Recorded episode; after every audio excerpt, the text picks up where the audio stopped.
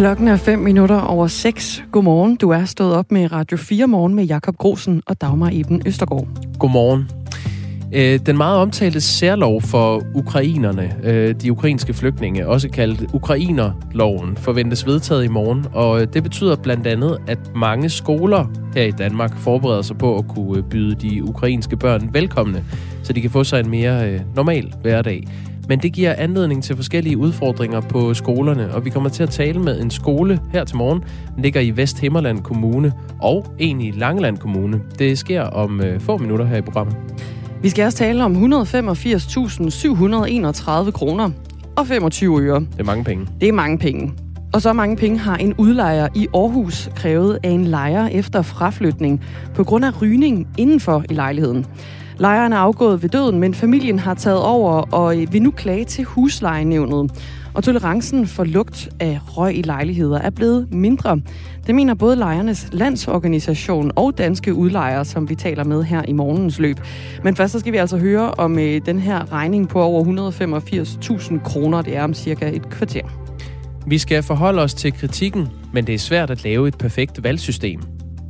Så lyder det fra en kommunalforsker, efter vi her på Radio 4 har kunne fortælle, at det danske kommunalvalg i november har fået kritik af Europarådet. I en ny rapport kritiserer øh, rådet, at opstillede politiske kandidater øh, som valgtilforordnede også uddeler stemmesedler og tæller stemmerne ude på valgstederne, altså dem, man kan stemme på. Vi taler med den her øh, kommunalvalgsforsker om en halv time.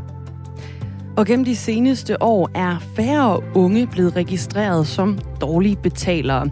Og nu viser en rapport, at de unge mellem 18 og 30 år for første gang er underrepræsenteret i RKI, mm. når man sammenligner med resten af den danske befolkning. Årsagen den skal blandt andet findes i øh, coronakrisen, mener en analysechef, og ham taler vi med klokken kvart i syv. Tilbage er der bare at sige, at hvis du har øh, inputs eller øh, erfaringer, du gerne vil byde ind med, når vi øh, taler med forskellige øh, kilder her til morgen, så skriv ind på 1424. SMS'en er åben. Du skal starte sms'en med øh, R4 og et mellemrum, og så ellers bare øh, skriv løs og send den afsted, så kommer den ind til os. Godmorgen.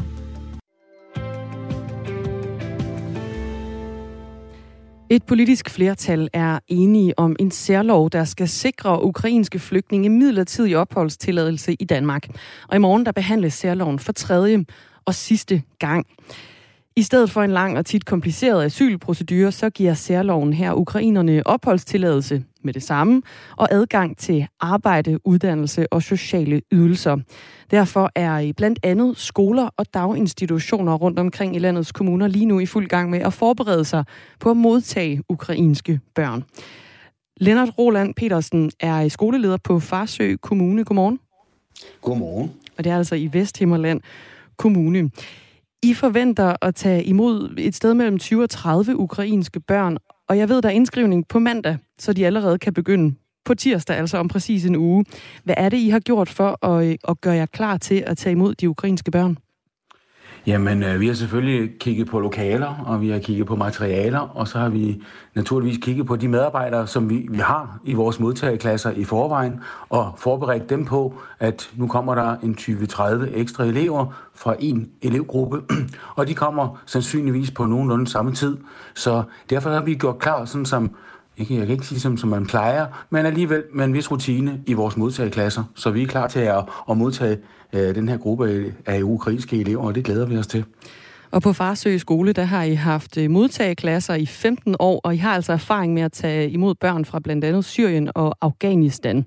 I modtageklasser der er der særligt fokus på undervisning i det danske sprog, og det foregår på øh, hold i et tæt samarbejde med sådan almen klasserne. Og et hold øh, kan fra skoleårets start rumme 18 elever højst.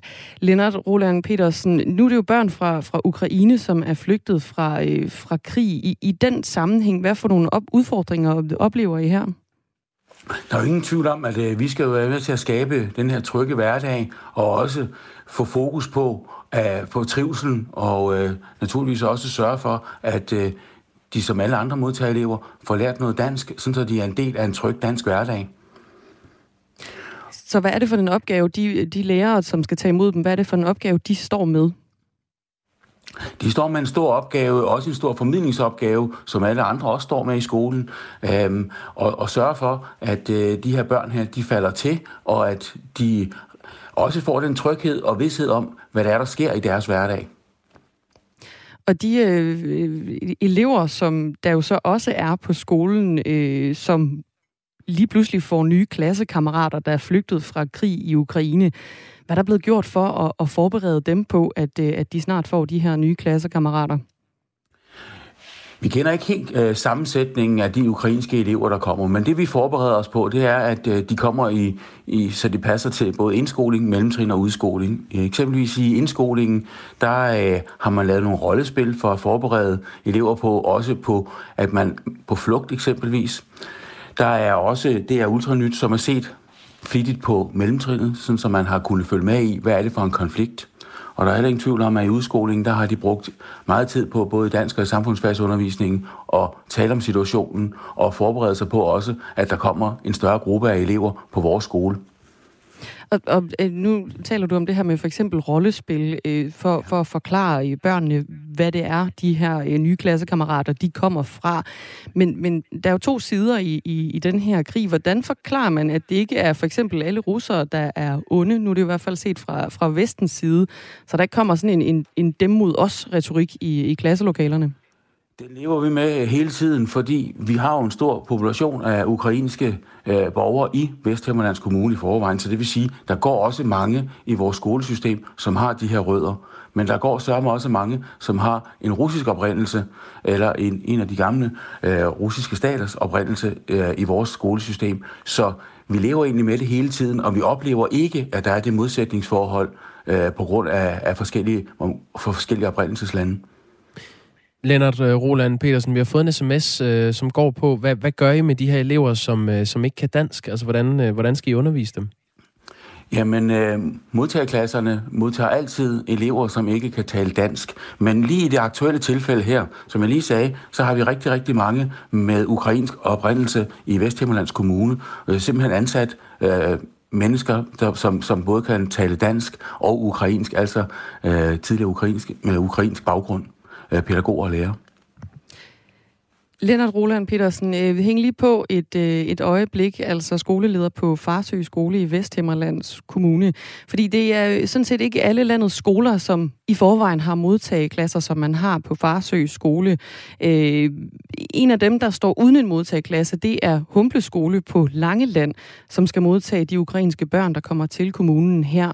Og her der er du konstitueret skoleleder, Bjørn From. Godmorgen. Godmorgen.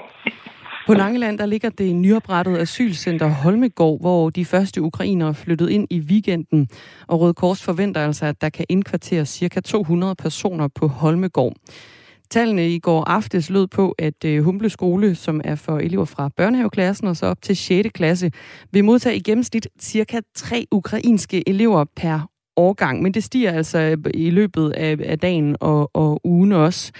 Bjørn From, hvad mangler I for at være klar til at tage imod ukrainske børn på din skole? Altså, først og fremmest, så, så mangler vi øh, en, en, hvad skal man sige, en økonomisk ramme, og, og så mangler vi øh, noget personal. Og hvordan vil I komme det til livs?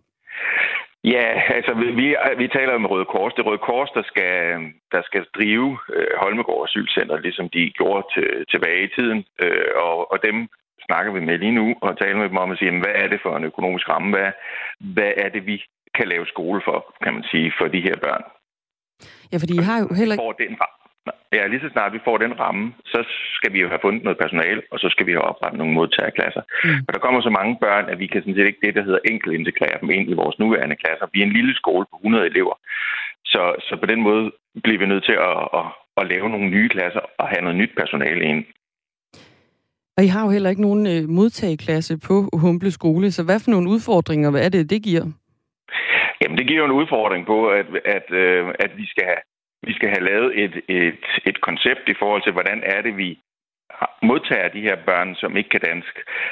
Kan vi få noget, noget ukrainsk personale, som også kan dansk? Øh, det arbejder vi og har faktisk gjort i sidste uge også, og, og vi har muligvis fundet nogen, som, som kan hjælpe i hvert fald i en opstart. Mm. Den her nye særlov, det er jo en øh, suspendering af de normale regler for asyl. Loven skal sikre ukrainerne mulighed for at kunne fortsætte øh, deres liv og blive en del af så det danske samfund hurtigt, lyder det i aftaleteksten. Og det skal ske i stedet for at blive henvist til at indgive ansøgning om opholdstilladelse efter udlændingeloven, lyder det hvilket vil kunne betyde, at de pågældende vil skulle opholde sig i Danmark i en længere periode uden egentligt opholdsgrundlag, hedder det altså. Loven den skal omfatte ukrainske statsborgere og personer med flygtningestatus i Ukraine og medfølgende kernefamilier og andre familiemedlemmer i, øh, i øh, forsørg, forsørget, som er forsørget i, i den samme øh, husstand. Altså inden på torsdag, nu har jeg allerede været, været i gang øh, inden på torsdag, hvordan vi skaffe folk, hvor særloven den jo træder i kraft, øh, i hvert fald ventet, så børnene de reelt set vil kunne starte. Kan det nås, det her? Det er verdens bedste spørgsmål. det, det ved vi ikke. Altså, vi lægger stillingsopslag ud i dag og beder vores personale og vores forældre og, og alle andre om at dele det vidt og bredt på sociale medier, og, og hvor man ellers kan dele det mundtligt og, og så videre.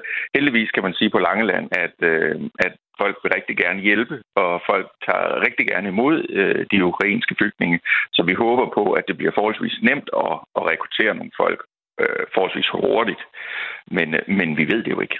Nej, så, så hvis I ikke øh, når det, hvordan vil I så håndtere de ukrainske børn, som jo, jo starter, øh, måske før I har fået skaffet flere hænder og personer, der kan tale ukrainsk? Ja, det er et godt spørgsmål.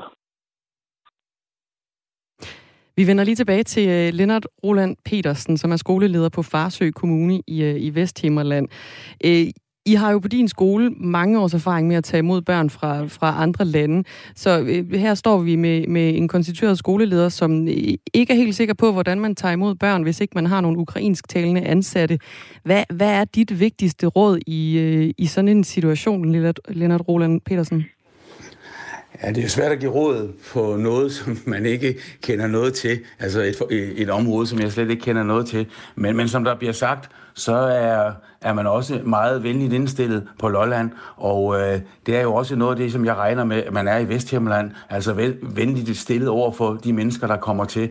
De bliver huset både øh, kommunalt, men også privat. Og øh, jeg tænker, at man skal tage gruppen, grupper af børn ind, måske så hvis ikke man har nogen, der kan tale sproget, øh, få små grupper af gangen, sådan så at det er til at overskue, og nu kunne jeg høre, at det også var en, var en skole af, af en mindre størrelse, så derfor så, så tænker jeg, at man skal, man skal bare tage det stille og roligt, fordi de her børn, de kommer også med en forventning om, tænker jeg, at øh, de skal have en stille og rolig hverdag, og de skal prøve at gå i skole på en helt, helt anden måde, i en ikke helt fremmed kultur, men alligevel i en anden kultur.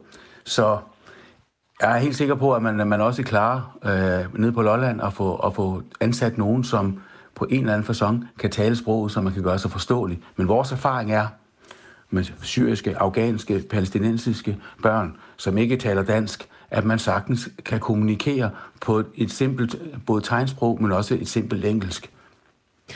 God råd er altså øh, dyre, og det er jo også en, en øh, særpræget situation, vi står i lige nu. Men øh, Bjørn From, konstitueret leder på Humble Skole i Langeland Kommune, er, er det noget, du kan bruge til noget, det som, som vi hører her fra Lennart Roland Petersen? Ja, det er, det er det helt sikkert, og, og, og det er også det, vi vil gøre. Altså til at starte med, så vil vi selvfølgelig tage imod børnene. Det allervigtigste, det er, at, at de får en tryg hverdag, og de føler sig velkomne. Vores, øh, vores børn er, er vant til at, øh, at have asylbørn, øh, da vi havde asylopgaven for nogle år siden i Langeland Kommune.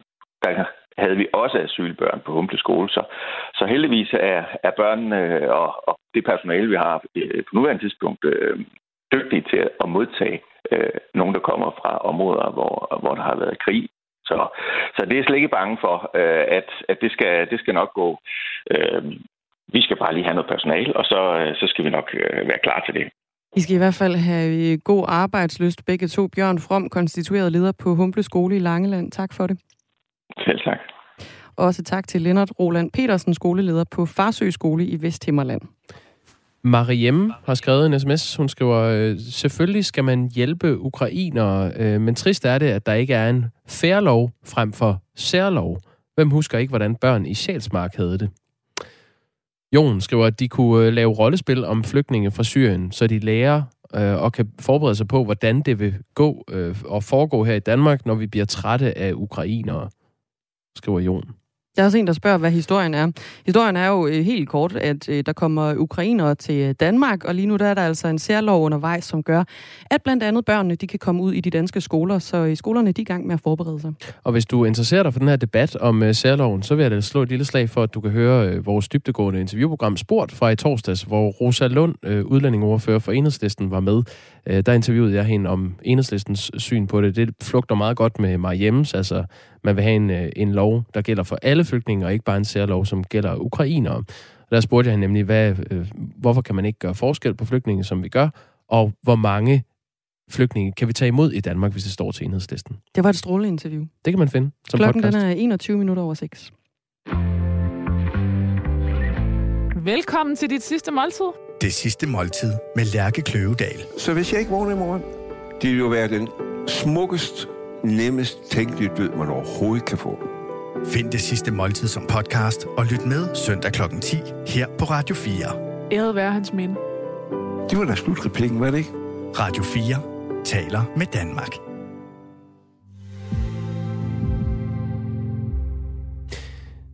Nu vender vi os lige væk fra øh, krigen i Ukraine, og så skal det handle om at øh, flytte fra en øh, lejelejlighed. Det er nok de fleste af os, der har prøvet det. Det er så nok bare de færreste af os, der har efterfølgende har fået en regning på 185.731 danske kroner og 25 øre efter fraflytningen for at få i standsat den her lejlighed igen. Sådan er øh, virkeligheden for dig, Jan Krog øh, Rasmussen. Godmorgen. Godmorgen, godmorgen. Den her lejlighed var lejet ud til din svigerinde, som øh, afgik ved døden i december sidste år. Og du er så blevet det, der hedder bobestyrer og står dermed for at administrere arv og formue og øh, skifte boet. Og sagen er så den, at udlejeren har krævet mere end 185.000 kroner efter fraflytningen på grund af det, der hedder massive nikotinaflejringer overalt i lejligheden, som udlejeren skriver det i et bilag til den her flytterapport. Og det skal det handle om nu. Altså, hvad, hvad var din reaktion, da du fik den her regning på 185.000? Altså for det første, så gik uh, selve flyttesynet ikke særlig godt. Det var ikke varslet. Altså jeg havde bedt om at få et syn, øh, fordi der er nogle skader inden, der skulle laves, øh, inden vi gik i gang. Øh, hvad skulle vi øh, forvente, at uh, udlejeren ville gøre? Der er noget murværk, der skal laves, så loftet det faldt delvist ned der, hvor det malede. Og så har han, øh, så mødte han op til det syn, uden at øh, jeg ikke vidste, hvad hans håndværkere. Og så gik de bare i gang. Der var ikke noget fælles. Og så skulle jeg så skrive under, og da jeg ikke var med i det, og vi ikke fik den dialog, der var ønsket om, hvornår der skulle ske noget, altså der er en termorude og andet, der har været i stykker i forskellige år, så det ikke kan blive skiftet. Jamen, så fik vi fremsendt et krav på 187.000, eller 85.700, og med øh, en stor usikkerhed lagt oveni, fordi han ikke nåede at besigtige lejligheden, eller de ikke gjorde. Men det er sådan, hvor det er lige nu. Så der er fremsendt et krav på det beløb. Mm. At du er, som jeg forstår det her, du er kritisk over for den måde, det er foregået på, det her øh, udflytningssyn, eller mangel på samme? Nej, jeg er ikke kritisk. Jeg er simpelthen øh, meget rystet over, at, at, at der findes, øh, at det her vi så konstateret i andre sammenhænge, at der er nogle personer, der stadigvæk lever og, og kun går op i, i magt, ære og prestige og fuldstændig ligeglade med andre. Og sådan virker en gamle udlejer, som i øvrigt, de gange jeg har mødt dem, telefonisk har sagt, det har ikke noget med at gøre. Han har i sådan rettidig over øh, let ejendommen til øh, hans øh, døtre. Så når der er noget i vejen, så skal man fat i dem. Og det er sådan det generelle, det det, der ryster mig. Altså, enhver kan begynde at se ejendommen ud fra øh, hans skrumpskade nummer 10. Altså, altanerne ved at falde ud. De andre har, har repareret dem. Hvor i 15 og 16, han gør ingenting tagrender er utæt, der er revner i murværket. Det gør sig også gældende inde i lejligheden, så kommer der mm. noget fugt igennem en gang imellem. Okay. Altså, jeg kommer lige med lidt, lidt fakta om den her lejlighed. Øh, den er på 94 kvadratmeter og ligger i det centrale Aarhus. Og siden 1986 øh, har din svigerinde og hendes mand boet i lejligheden, hvor de begge to har rådet indenfor. Og det er altså det, udlejeren lægger øh, særlig vægt på her. Ved rygning indenfor har udlejer ret til at få dækket de udgifter, der er i arbejdet med at fjerne generne fra det. Og udlejeren kræver så de her mere end 185.000 kroner for at, at kunne istandsætte det, øh, som udlejeren selv kalder en, en misligeholdt lejlighed. Der er 60.000 kroner til malerarbejde, hvor udlejer øh, skriver, at det kræver flere gange afvaskning samt nikotinspæring, så nikotinen ikke går igennem den nye maling og maling af, af hele lejligheden derefter. Og udlejer kræver også 10.000 kroner til udskiftning af en køkkenbordplade, der er belagt med nikotin, og så skal køkkenelementerne i sin helhed renses eller helt udskiftes på grund af nikotin. Og alle stikkontakter skal ifølge udlejeren også udskiftes på grund af nikotinaflejringer. Og det kræver han så øh, over 10.000 kroner for. Jan K. Rasmussen, det lyder jo til, at den her lejlighed har set øh, markant bedre dage. Øhm, hvorfor er det ikke rimeligt, at udlejeren kræver øh, en masse penge for at kunne istandsætte den her lejlighed, når der er blevet rådet indenfor siden 1986?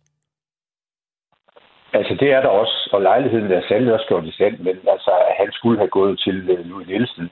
Den lejlighed er fuldstændig rengjort, og det vi fik at vide af den maler, der var derinde, at vi skulle ikke væske væggene ned, fordi de skulle have sådan noget røgspær. Og det vil bare gøre det værre og så vaske. Det øve er fuldstændig rent. Altså for eksempel toilettet, som han har afsyret, jamen det er fuldstændig godt rent, og det er køkken og køkkenbordsbad også. Altså han, øh, han vil bare gerne, som der også står i det, han går igennem, altså have en, øh, en renovering, en opbygning af lejligheden. Altså han har jo overtaget den ejendom i 1992, som den var han påstår, at det var en ny stensæt, da Gurli flyttede ind. Det kender han ikke noget til, for der boede han slet ikke, eller havde ikke lejligheden. Hun har overtaget den som en funktionær lejlighed, øh, hvor hun så var viseværdig i ejendommen. Det, det er selvfølgelig, det er i, sagens, i sagens natur er det lidt svært, øh, når der kommer nogle beskyldninger fra dig her. Der er selvfølgelig også nogle beskyldninger i den her øh, flytterapport. Vi vil jo gerne talt med udlejeren også af den her bolig, øh, Christensen hedder det for at spørge dem, hvorfor de mener, at istandsættelse af lejligheden skal koste mere end 185.000 kroner. Men de har ikke ønsket at stille op til et interview. Det er derfor, vi hører din side af sagen her. Men de skriver altså i flytterapporten, vi har aldrig i mere end de 50 år, vores firma har virket, set så misligeholdt en lejlighed i sin helhed. Hvad, hvad siger du til det? Jamen, det er jo hans øh, udlæggende af tingene. Sådan tror jeg, han skøn. Han har byens bedst beliggende øh, og mest vedligeholdte ejendom. Det kan være at se øh, og så sætte ord på. Den er revner i murværk og så videre. Øh, jamen, den er stadigvæk lidt vedligeholdt, og det kan godt være, at han er murermester og ingeniør, men det, han er vist lidt, hvad, hvad det her det går ud på at holde en ejendom. I så din, det, i... Vi fik en murer derind. Vi havde en håndværker derinde, der sagde cirka 30 sulten for at male selve lejligheden, som den så ud. Okay. Altså i lejekontrakten står der, at den indvendige vedligeholdelse påviler lejeren, og det betyder så, at lejer ved fraflytning skal aflevere lejemålet i samme stand som ved overleveringen. Og når der bliver røget indenfor, så har udlejer så ret til at få dækket de udgifter, der er i, i arbejdet med at fjerne tjenerne for det, som betales af lejeren. Og i det her tilfælde er det så din svigerinde, som øh, desværre er afgået ved døden, og i den situation, så skal det så betales med hendes øh, formue, og det er det, du øh, forvalter. Jeg ved, at du vil klage til huslejenævnet, som er en uvildig instans, der træffer afgørelser i uenigheder mellem øh, lejer og udlejer. Hvad, øh, hvad, hvad vil du have ud af det? Jamen, der må vi jo så have, ligesom i alle andre sager, når man ikke kan tale med en udlejer, altså, øh, så kommer den jo ikke længere. Når han kommer ligesom med, med to øh, håndværkere, som, ja, det ligner ligesom oligarker, de kører bare lejligheden igennem, men det er ikke spurgt om noget, man skal bare holde sig væk maleren siger så, at det her det kan jeg male for 40.000, det var hans melding. Det er så senere han blev til nummer 60. Øhm, og så, ja, man følte sig jo ikke velkommen i den flok. Det første, han sagde, i øvrigt øh, måske lidt venligt, det var, han kiggede lige på guldmanden, og så sagde han tak for julegave. Altså, så føler man sig jo egentlig uh, i godt selskab, eller i det modsatte. Nej, det er ikke videre betryggende, når man, når man er den, der skal betale. Men, men anerkender du, at der er blevet røget så meget i den her lejlighed, at det kræver en overordentlig stor indsats at få den skudt ren? Ja, ja, det siger malerne også, men, men det er ikke så stort et problem i, i dag, fordi man bruger det der stop og, og smør på først øh, i to omgange, tror jeg, og så bliver det malet. Problemet er, vi kan godt male noget af, af tapetet, men på grund af skader i bygningen, mm. så hænger tapetet løs øh, selv fast. Der er også murværk, der er faldet ned. Ja. Og det er jo sådan en dialog, vi godt vil have, at, at det, det føler jeg jo ikke, at, at det er lejerens problem, men man skal også til at reparere ejendommen. Tak skal du have, Jan Krog Rasmussen. Det var så lidt. Vi kommer senere på morgenen til at tale med Lejernes Landsorganisation og øh, interesseorganisationen Danske Udlejere, som begge mener, at tolerancen øh, for lugt af røg er blevet mindre sådan generelt i samfundet. Det bliver klokken lidt over syv og klokken 20 øh, minutter over 8. Så det er en sag, vi, øh, vi følger her i programmet. Det er det nemlig. Klokken den er halv syv. Nu er der nyheder.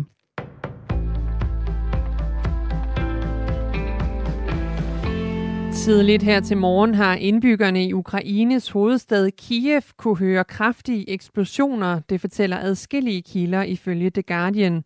Også TV2's korrespondent Rasmus Tandholt beskrev øh, skrev tidligt her til morgen på Twitter, at han vågnede til lyden af adskillige store eksplosioner. En journalist fra nyhedsbyrået AFP siger, at der er blevet hørt mindst tre kraftige eksplosioner i centrum af Kiev. Journalisten beskriver også, at der er blevet set en røgsøjle stige op i det fjerne, men at det ikke har været muligt at komme i nærheden af den på grund af udgangsforbuddet om natten. Eksplosionerne kan være forårsaget af luftangreb. En beboelsesejendom er angiveligt også gået i brand i Kiev, det skriver det ukrainske nyhedsbyrå Uni Ukrinform ifølge BBC. Finansminister Nikolaj Vammen vil arbejde for de hårdest mulige sanktioner mod Rusland, når EU-landenes finansministre mødes i Bruxelles i dag. Selvom der er indført sanktioner mod Rusland i fire omgange, så er mulighederne stadig ikke udtømt, siger Nikolaj Vammen. Vi fortsætter med at diskutere behovet for yderligere tiltag. Danmark ønsker stadig, at alle muligheder er på bordet, siger finansministeren. Ifølge den danske finansminister så indebærer sanktionerne massive økonomiske og politiske omkostninger for Rusland, der gør det sværere for Ruslands præsident Vladimir Putin at finansiere krigen i Ukraine. Regeringen præsenterer sit udspil til en sundhedsreform i dag. Ifølge Jakob Kjellberg, der er professor i sundhedsøkonomi ved det Nationale Forsknings- og Analysecenter for Velfærd, så er der brug for en sundhedsreform, der både giver svar på forebyggelse og det mere strukturelle i sundhedsvæsenet.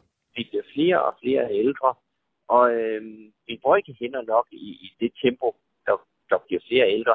Den måde, vi leverer vores sundhedsydelser på, det bliver vi nødt til at forandre. Jakob Kjellberg peger på, at sundhedsvæsenet skal rykkes fra de store sygehuse og mere ud til det nære sundhedsvæsen, eksempelvis til kommunerne og de praktiserende læger.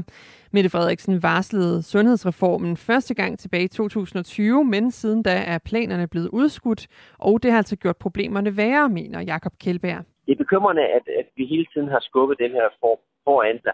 Ikke i den forstand, at vores sundhedsvæsen står og bliver brudt sammen, hvis vi ikke øh, få reformeret her nu eller i næste måned, men fordi at omstillingen desværre og, og, og hårdere, jo længere tid vi venter.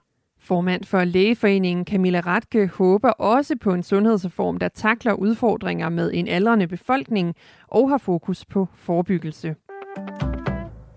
I går åbnede skolerne i Peru for første gang i to år. Skolerne har siden den 16. marts 2020 været lukket på grund af coronapandemien. 4,2 millioner børn kan vende tilbage til øh, skolen. Øh, Peru har 55.000 offentlige skoler, mens 3 millioner børn kan vende tilbage til privatskoler. Det oplyser landets undervisningsministerium. Og det sker efter myndighederne i januar begyndte at vaccinere børn ned til 5 år for at forberede dem på genåbningen af skolerne.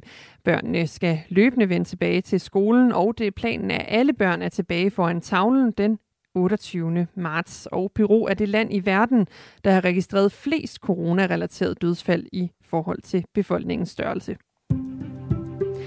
Først skyet, diset eller stedvis tåget, og så kommer der lidt regn hister her, men i løbet af dagen så klarer det op med lidt eller nogen sol. Mest sol kommer der vestpå, og temperaturer mellem 6 og 12 grader lunest i Jylland. Det var nyhederne her på Radio 4.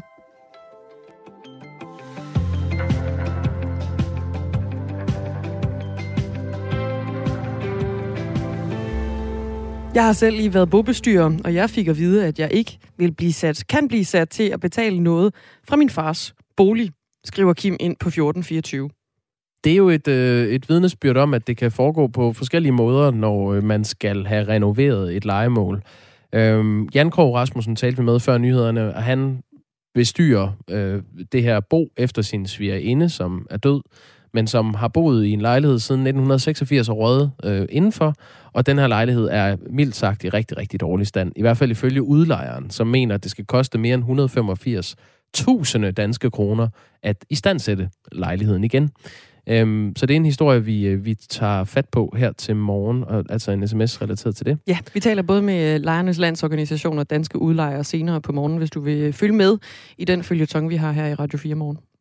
Og det er jo også en budbringer om, at du kan komme i kontakt med os, hvis du skriver ind på 1424 og starter beskeden med R4 og et mellemrum. Så havner den direkte på vores øh, skærm. Det er Dagmar i Møstergaard og Jakob Brosen, der er værter i Radio 4 morgen i dag. Klokken er 25 minutter i syv.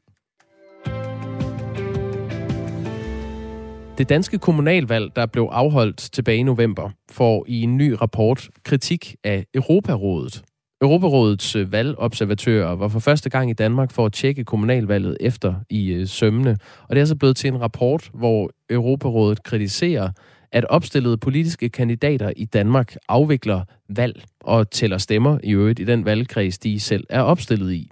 Der er nemlig risiko for, at vælgerne bliver påvirket i forhold til, hvor de skal sætte deres kryds, når politiske kandidater er til stede i valglokalerne. Sådan lyder det i øh, den her rapport. Valgobservatørerne blev mildest talt overrasket over at se, at det er sådan, det foregår i Danmark. Det fortæller øh, lederen af den danske delegation til Europarådet og valgobservatør Randi Mondorf fra Venstre, som har talt med valgobservatørerne efter valget. Blandt andet øh, en fra Belgien, han var simpelthen i chok over, at det her overhovedet kunne lade sig gøre. Vores øh, valgsystem har altså sendt en belgier i, i chok. Roar Buk er kommunalforsker ved Danmarks Medie- og Journalisthøjskole. Godmorgen. Godmorgen. Er du enig med Europarådet i, at det kan påvirke vælgerne, når det er politikere, som man kan stemme på, der tager imod vælgerne ude på valgstederne? Ja, det kan man jo ikke udelukke, men på den anden side set må jeg sige, at jeg ikke er i chok, og det er jo også det, som fremgår af rapporten, at øh, når de har spurgt øh, den her delegation, der har rejst rundt, når de har spurgt øh, de lokale folk, så er der altså ikke nogen overhovedet øh, altså rundt omkring i, i landet, som øh, er bekymret for den her proces, fordi at man jo altså er mange til stede, og der er folk fra alle de forskellige politiske partier. Der er jo også en, en masse af de kommunale ansatte til stede, som jo egentlig er dem, der primært står for at, at styre øh, gennemførelsen af valget. Så, så det er altså en procedure, som der er meget, meget høj tillid til blandt deltagerne herhjemme, øh, og, øh, og, og det er også mit syn på det, at det er ikke noget, vi bør være voldsomt bekymret for. Men jeg kan godt forstå, hvis man kommer fra, fra andre politiske traditioner, at man kan synes, at det her er overraskende. Men altså tilbage til spørgsmålet, kan det påvirke, at en kandidat står på et afstemningssted? Øh, ja, det kan det selvfølgelig godt. Altså, der er jo nogle meget stramme regler for, at man ikke må hænge valgplakater op og dele pjæser ud og så videre på selve afstemningsstedet. Øh, og, øh, og der kan man sige, når der så står sådan en levende plakat i form af en kandidat, så kan man jo ikke udelukke, at det øh, kan påvirke en enkelt vælger til at sige, øh, nå ja, der var også øh, ham eller hende, så dem sætter jeg kryds ved. Ja, det er jo et paradoks. Har du et bud på, hvorfor det er øh, lovligt, at en politiker, man kan stemme på, må være inde i øh, valglokalet? Jamen, det er jo fordi, der er mange hensyn, som man, skal, man øh, ligesom skal prøve at afveje, når man afvikler valg. Øh, og øh, et af de andre vigtige hensyn, det er jo, at der er en åbenhed og en transparens i forhold til hele processen. Øh, og det er jo også en del af, af grunden til, at partierne er så involveret i den her proces. Det er, at når partierne selv er med i øh, afstemningslokalerne, når partierne selv øh, kan overvåge alt, hvad der foregår, så giver det jo en åbenhed og en transparens, som gør, at øh, man får tillid til systemet. Øh, hvis det nu det var sådan, at der kun var ét parti, øh, der ligesom var til stede, så kan man, så kan man forstå en, en voldsom bekymring. Men altså nu har vi jo et væld af partier i Danmark, og det vil sige, at der er repræsentanter fra alle de forskellige partier til stede, når det her foregår, så man sådan groft sagt kan holde øje med hinanden. Øh, og øh, det her er jo ikke et specielt øh, dansk system, det er også et system, man finder i rigtig mange andre lande. For, eksempel i USA har der jo været en voldsom debat i forhold til, at der var nogen, der hævdede, at der var fusk i forbindelse med det seneste præsidentvalg. Og grunden til, at man kunne påstå det, det var jo blandt andet, fordi man også i USA har masser af folk involveret, og også en ret til at være inde på afstemningsstederne og holde øje med, hvad der øh, foregår. Så det er jo i hvert fald et modhensyn. Hvis man forestiller sig, at man smed alle politikere, og i øvrigt også med alle øh, politiske, altså dem, der er medlemmer af de politiske partier, som, som meget ofte også deltager ud, øh, jamen så vil der altså ikke være den der mulighed for at holde øje med, hvad der foregår.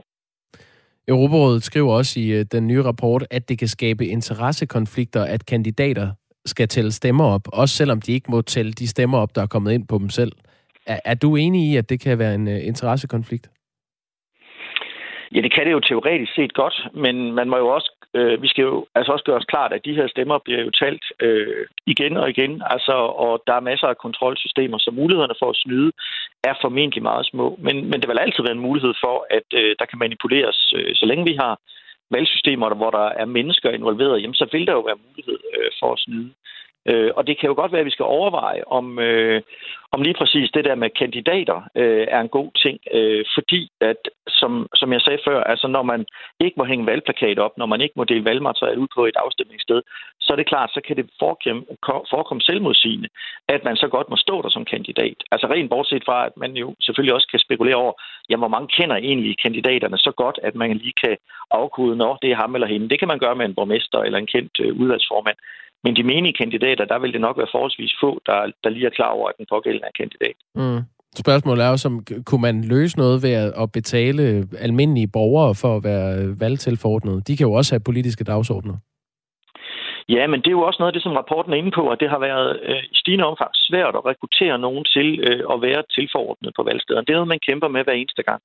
Øh, så, en, så en anden løsning, en tredje løsning, vil jo så være at bruge flere af de kommunale ansatte øh, til at løse de her opgaver. Det vil så gøre det meget dyrt, og det vil så også indeholde det aspekt, at hvis det i højere grad bliver, bliver ansatte, som sad med det, øh, så vil der jo være en far for, at, øh, eller en, en, øh, kunne der rejses en kritik af, at øh, det ligesom var dem, der var i lommen på borgmesteren, der skulle sidde og øh, til stemmerne op. Så det, der i virkeligheden er pointen, det er, uanset hvordan vi indretter det her system, så vil man altid kunne komme med nogle øh, kritiske røster i forhold til, øh, at der kan være problemer, fordi at der er mennesker involveret. Øh, og, øh, og der er det bedste middel mod øh, kritik, det er jo åbenhed og transparens. Og det er jo det, vi sikrer ved, at, øh, at de politiske partier for eksempel er til stede, og alle sammen kan være med til at, at følge afstemningen. Hvis du sidder og hører det her interview og tænker, hvad er det nu en valgtilforordnet er, så er det en, som hjælper med at øh, afvikle valget, tager imod vælgerne ud på valgstederne og tæller stemmerne. Og det er så ifølge Europarådet problematisk, at politiske kandidater er til stede i valglokalerne under valget og med til at tælle øh, stemmer. Det står i den her nye rapport. I Norge har de ændret reglerne for, hvem der må tælle stemmer og afvikle valg, så politiske kandidater ikke længere kan blive valgtilforordnet. Og det gjorde de øh, efter netop at have fået kritik af Europarådets valgobservatører. Det fortæller lederen af den delegation af valgobservatører fra Europarådet, der overvågede det danske kommunalvalg, Gun Marit Helgesen fra Norge, og det fortæller hun til os her på Radio 4. Hun sagde sådan her. Det blev forbudt i, øh, i vår lov efter at Europarådet havde påpekt at det var uheldigt. Ja, det er blevet forbudt. Gruppeformanden for Venstre i Hørsholm og medlem af kommunalbestyrelsen, Anne Lindhardt, forstår godt kritikken.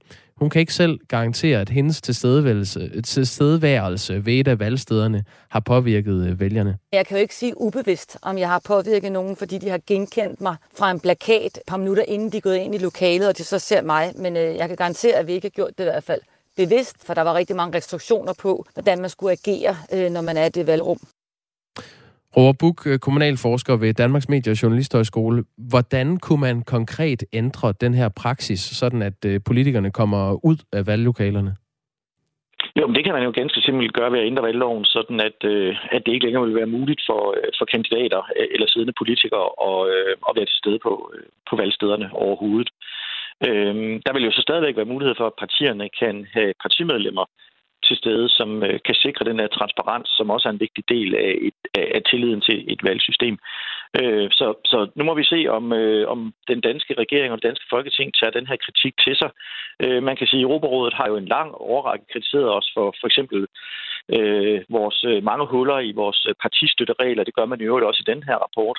Øh, det har man stort set ignoreret, så det bliver jo spændende at se, om man også øh, vælger at ignorere den her kritik, eller man gør ligesom nordmændene og tager kritikken til sig, og så justerer, så kandidater ikke længere kan, øh, kan være valgtilforordnede.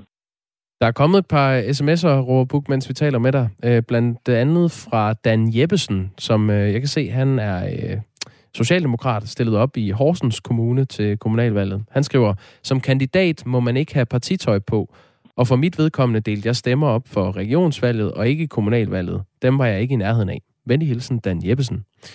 Øhm, Silas skriver ud med politikerne, og så give en ordentlig løn. Jeg ville gerne have hjulpet, men skulle tage en fridag, så ville miste 1.500 til 2.000 kroner, og så vil jeg kunne få 600-800 kroner for at kunne hjælpe med valghandlingen. Og det er jo faktisk et problem, øh, det Silas peger på der, øh, Robert Buk, for der var faktisk flere steder problemer med at skaffe frivillige nok til at afvikle valget, hvis man øh, udelukker de politiske kandidater.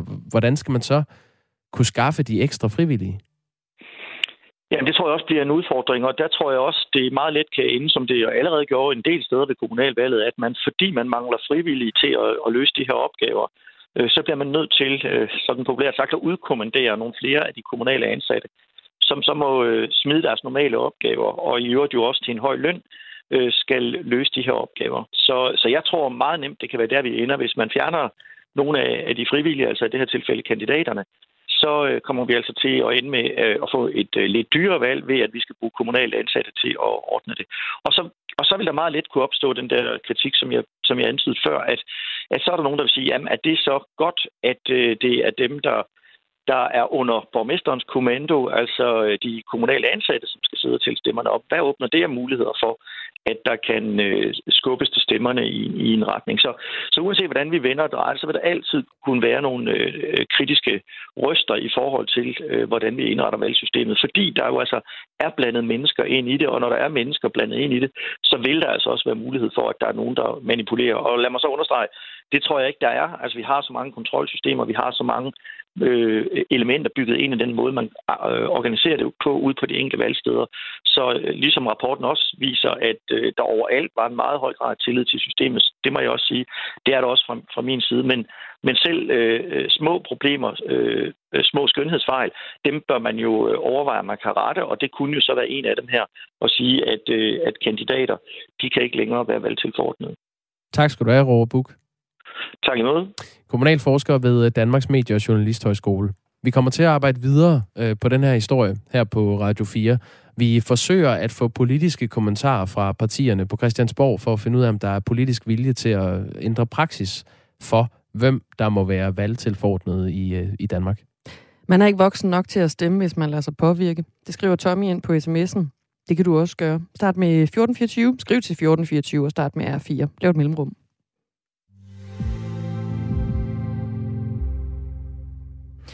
I nat, eller her tidligt i morges, der har der været øh, meldinger om bomber i Kiev i Ukraine. Jeg tænker, vi lige tager en øh, kort opfølger på, hvad der er øh, seneste nyt fra øh, krigen i Ukraine. Der ved vi altså, at der har været meldinger om store eksplosioner i øh, hovedstaden. Det er adskillige kilder, der beretter, at der har lyttet øh, eksplosioner. En af kilderne, det er blandt andre TV2's korrespondent øh, Rasmus Tandholt, der skriver, at han altså er vågnet til øh, lyden af eksplosioner. Og ifølge en journalist fra nyhedsbureauet AFP, så er der hørt mindst tre kraftige eksplosioner i centrum af øh, hovedstaden. Journalisten fra AFP beskriver, at der er blevet set en røgsøjle stige op i det fjerne, men at det altså ikke har været muligt at komme i nærheden af den, fordi der jo er et øh, natligt forbud i hovedstaden. Det er jo simpelthen et mareridt-scenarie, hvis det er det, der går i gang nu. Øh, der har jo været mange meldinger om, at øh, russerne har svært ved at, omringe Kiev og trænge ind. Kiev er stadig i, øh, på ukrainske hænder, i ukrainsk kontrol. Og det, man så har frygtet fra flere øh, militære analytikers side, det er, at Rusland indleder sådan et terrorbombardement af den civile befolkning, der befinder sig i Kiev. Det... Og lige nu der står en beboelsesejendom også i, øh, i flammer i, i Kiev. Spørgsmålet er, om det er oven på de her øh, eksplosioner. Det er i hvert fald kædet sammen med det. Det er BBC, som, øh, som melder om, øh, om det her. Og så øh, er der også meldinger om angreb mod Kharkiv i nat. Altså, så vi har i øh, hovedstaden Kiev, som ligger sådan øh, relativt centralt i Ukraine, og så har mm. vi Kharkiv, Kharkiv, som ligger helt ud mod, øh, mod øst.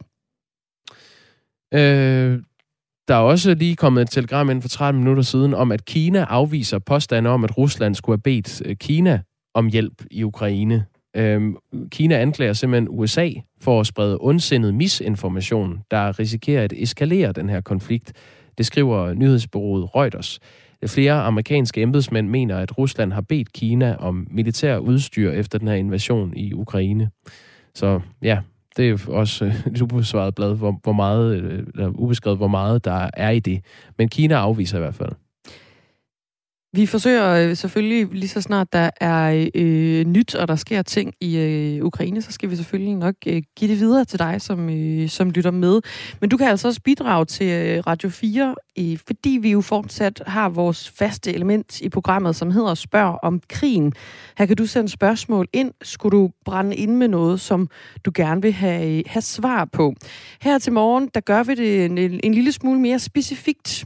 Det er Maja Greenwood, som er øh, postdoc ved Edinburgh University og forsker ved Dansk Institut for Internationale Studier, som er med igennem her til morgen klokken cirka kvart i ni som vores ekspert. Og hun har altså blandt andet forsket i fremmedkrigere i Syrien. Så det, hun kan svare på spørgsmål om, det er blandt andet om de danskere, der drager i krig i Ukraine, både omkring deres bevæggrunde, og så også de problematikker, der kan opstå, når man øh, drager i krig i et fremmed land. Og så har hun altså også indblik i de grupper, som kæmper i, øh, i konflikten, både den officielle ukrainske fremmedlegion, men også de øh, sådan mindre officielle og mere ekstremistiske grupper, som øh, bidrager eller deltager i, øh, i kampene side om side med det ukrainske militær. Så Maja Greenwood kan du altså stille spørgsmål i dag. Her i løbet af morgenen, så samler vi til bunke og sender dem hendes vej klokken cirka kvart i ni. 14.24. Start beskeden med R4 og et mellemrum. Gennem de seneste år er færre unge blevet registreret som dårlige betalere. Og nu viser en rapport, at de unge mellem 18 og 30 år for første gang er underrepræsenteret i RKI, når man sammenligner med resten af den danske befolkning. Christian Hebøl Hammer er analysechef i Finans Danmark. Godmorgen. Godmorgen. Det er Finans Danmark, der står bag rapporten her, jeg henviser til. Hvad er årsagerne til, at færre unge registreres som dårlige betalere? Men over de seneste år har der været en, øh, et rigtig stort fald i andel af unge i RKI. Øhm, og her er det især coronarestriktionerne, øh, der kan have stor betydning. Altså de begrænsede muligheder for unge øh, til at bruge penge i byen og på caféer og på rejser, som ellers er de steder, hvor at, at der tit kan risikere at komme overforbrug. Øhm, Oven i det har vi også set et stort fald i ungdomsledigheden over det seneste år, så cirka i 2021. Øh, og det har selvfølgelig også, og det har også haft en rigtig stor effekt. Til sidst kan man sige, at der er også, øh, en, en, der er også tale om en langsigtet tendens, hvor andelen af unge øh, i RKI har været faldende gennem flere år, altså siden 2010. Der. Og her er det klart konjunkturudviklingen, og øh, det er der kommet mere fokus på, øh, på øh, privatøkonomi på skoleskemaet. Det kan også have haft en, en stor betydning. Om ikke andet, så, så er det jo corona, som på en eller anden måde har skabt øh, færre muligheder for de unge for at, at bruge penge, og ungdomsarbejdsløsheden har været, har været lav. Men nu er vi jo snart ude af, af corona og coronaens klør. Kan det få en effekt på de unges repræsentation i RKI fremadrettet, som du ser det? Altså, kan de komme tilbage på listerne? Ja, altså det er klart, vi, vi, vi håber på, at de unge de holder fast i deres vaner og, og, så de gode takter, de fortsætter herfra. Øh, mange unge de har sparet meget op øh, over corona, øh, afbetalt gæld, øh, og mange har jo som sagt også fået job, så de er jo godt rustet. Men når det er sagt, så er det klart, at der kan godt komme en effekt nu, når restriktionerne de fjernes, og unges forbrug i penge øh, og på café og rejser, det vender tilbage. Det kan, man, det kan man ikke afvise. Men kan man spå om, hvor stor den effekt den vil være? Nej, det kan man ikke. Øhm, det er også fordi, der kommer også andre ting, som faktisk taler i den modsatte retning, som jeg siger, når ledigheden er lav. Øh, det, det kan godt tage noget tid, før effekten af den lavere ledighed den bliver sådan fuldt indfaset. Altså når folk begynder at få et job, så går der jo noget tid, øh, før de får afbetalt på den gæld, de har Så, Altså nogle af dem, der har fået et job, de kommer muligvis ud måske til næste år ud af, af registret. Øhm, så der, der er også noget af det, der taler i den modsatte retning. RKI-registret det benyttes altså til at registrere øh, personer og virksomheder, som ikke har betalt deres regninger. I 2013 der var der 56.000 unge registreret i RKI, og i 2021, altså sidste år, der var det tal faldet til 37.000. Så der er jo alligevel et unge, som stadig er registreret i RKI, også på trods af, at corona har sat en stopper for, for overforbruget. Hvorfor er de alligevel endt som dårlige betaler de unge, der nu engang er der, selvom vi jo for eksempel har set en, en coronakrise, der har øh, skruet ned for forbruget? Jamen, øh, som sagt, altså, kan de tit være i en, en del unge er i, desværre i gæld med, eller i RKI med relativt store gældsforhold. Og der tager det altså noget tid, så selvom at de får øh, lidt bedre styr på deres øh, forbrug, øh, og de også får et job, så kan det stadig godt tage, øh, godt tage år, før de kommer ud af historien. Det er den, det er den, ene, den ene side af det. Det andet er, at der er jo selvfølgelig mange andre steder, at øh, unge også kan og øh, og faktisk også gør og foretager overforbrug. For eksempel kan vi se, at øh, køb af mobiltelefon på afbetaling er nogle af de mest hyppige steder, unge de ender i RKI, og, og der har corona jo ikke sat nogen stopper. Så. Der er jo så kommet en lov om, øh, om kviklån, som jeg ved, at du også mener har haft en, øh, en effekt. Nu siger du, at, at, at tallene for de unge i RKI har været for nedadgående siden år 2010. Men loven om kviklån, den blev indført i 2020, og har også haft en eller anden form for effekt. Hvordan har den det? Jamen, når, når jeg siger, at den har været, tendensen har været faldende siden øh, 2010, så, så er det, der har været sådan en, en langsomt faldende tendens. Og siden 2020, der kan vi se, der er sket et meget stort skridt øh, i 2020 og 2021. Og der, der er det altså, at de her lån og kviklån, den, den meget vel kan have en, øh, en stor betydning. Vi kan se i 2020 af unges øh, gæld til de her kviklånsselskaber øh, og kontokortgæld også. Det har været faldende, øh, kraftigt faldende. Og vi kan faktisk se i de kommuner, hvor flest af unge havde øh, den her type gæld lige inden at loven den blev trådt i kraft. Det er også de kommuner, hvor flest, altså hvor vi ser de største fald i, øh, i andelen af unge i RKI. Så det, det indikerer, at der kan være øh, klart en tendens til, at, at den her nye lov har haft en effekt. Der er nok mange forældre, som rigtig godt kunne tænke sig at høre, at de unge bare er blevet mere ansvarlige øh, rent økonomisk, og det er derfor, de ikke havner i RKI i lige så høj grad. Er der noget som helst i, i jeres rapport fra øh, Finans Danmark, som antyder det? Altså, øh, der er den her den tendens, at der har været mere fokus på øh, privatøkonomi øh, på skoleskemmet gennem øh, flere år, øh, for at sikre, at de unge de får øh, en bedre styr på privatøkonomien. Og, øh, og det er også derfor, vi i år øh, den her uge kører det, der hedder øh, pengeuge, hvor, at, øh, hvor 600 klasser, øh, folkeskoleklasser øh, landet over, øh, får undervisning i privatøkonomi. Det, det er jo klart, det er et håb, vi har, og at, øh, at det i hvert fald også øh, ruster de unge bedre fremadrettet og så er det det her med deres muligheder for, for overforbrug. For eksempel når, når sådan noget som kviklån bliver begrænset. Øh, at det også forhåbentlig får en effekt øh, på, at, at flere unge øh, er mere ansvarlige, øh, kan man sige. Øh, der er stadig flere tiltag derude, der kan gøres. Øh, det er ret nemt at, øh, at låne penge øh, og købe ting på afbetaling, for eksempel med det, der hedder køb nu og betal senere lån, øh, som stadig er derude, hvor det er meget nemt for unge at købe for eksempel øh, madvarer eller andre ting øh, på afbetaling, hvis de ikke lige har råd lige nu. Og der, der er stadig nogle, et område, hvor man kan gøre mere der. Tak, Christian Hebølhammer. Ja, tak. Analysechef i Finans Danmark. Jens Bernburg skriver ind, Godmorgen. Har altid haft den holdning, at privatøkonomi burde være flettet ind i matematikundervisningen i skolen, og er sikker på, at det vil give gode resultater i, for, i forhold til ansvarlig privatøkonomi. Klokken er 3 minutter i 6. Du kan også sende... Nej, 3 minutter i 7, og du kan også sende sms'er ind til 1424. Start med R4. I Rusland kan man øh, blive dømt op mod 15 års fængsel, hvis man øh, taler ind i et narrativ, som ikke passer øh, det russiske styre i forhold til krigen i Ukraine. Altså hvis man spreder det, der i russisk optik kaldes øh, propaganda. Og derfor tror jeg, det er vigtigt, at vi også lige øh, husker, at der er nogle øh, prominente russere, der forsøger at tale krigen imod. Øhm, det sagte klaverstykke, der går i gang her, der det er vel egentlig en guitar, det kommer fra en uh, rapper, der hedder Morgen Stern, som er blevet en helt, en russisk uh, rapper. Det lyder ja. sådan her Под капотом В12 На карте я за полночь Мне давно уже не 18 Суки исполнилось только Цвет как пчелка Жжж, цвет родной Прям так со стока Стрелка мчит за сотку Стрелки на дорогих колготках Det er et uh, track, som ligger på en uh, helt ny musikvideo med en af Ruslands absolut største rapper lige nu. Han har virkelig øh, luft under vingerne, også med den her video.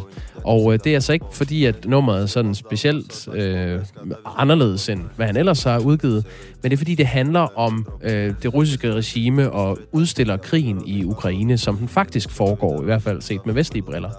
Øh, uh, hedder, han kan komme i problemer jo. Ja, det tør siges. Øh, nummeret hedder 12.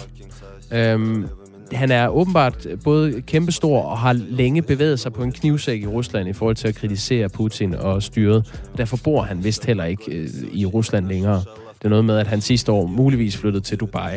Det er et quick fix for at undgå de der 15 års fængsel, hvis man gerne vil lave noget russisk rap om øh, Putin. Ja, øh, han i slutningen af det her nummer, som vi ikke når at høre det hele af, der øh, er en, en lydfil med øh, hans egen mor, som fortæller om, hvordan øh, hun oplever øh, krigen i Ukraine. Hun er nemlig ukrainer og sidder i Ukraine og fortæller. Det er ret, øh, ret stærke sager. Det er meget sådan øh, in your face. Det er ikke, fordi der er noget, der er op til fortolkning. Det er sådan meget øh, en til en, sådan som vi øh, rapporterer om, øh, om krigen. Og det er altså Morgenstern, den, øh, den russiske rapper, der ligger hovedet på bloggen og udgiver det her nummer. Det er allerede set 4 millioner gange.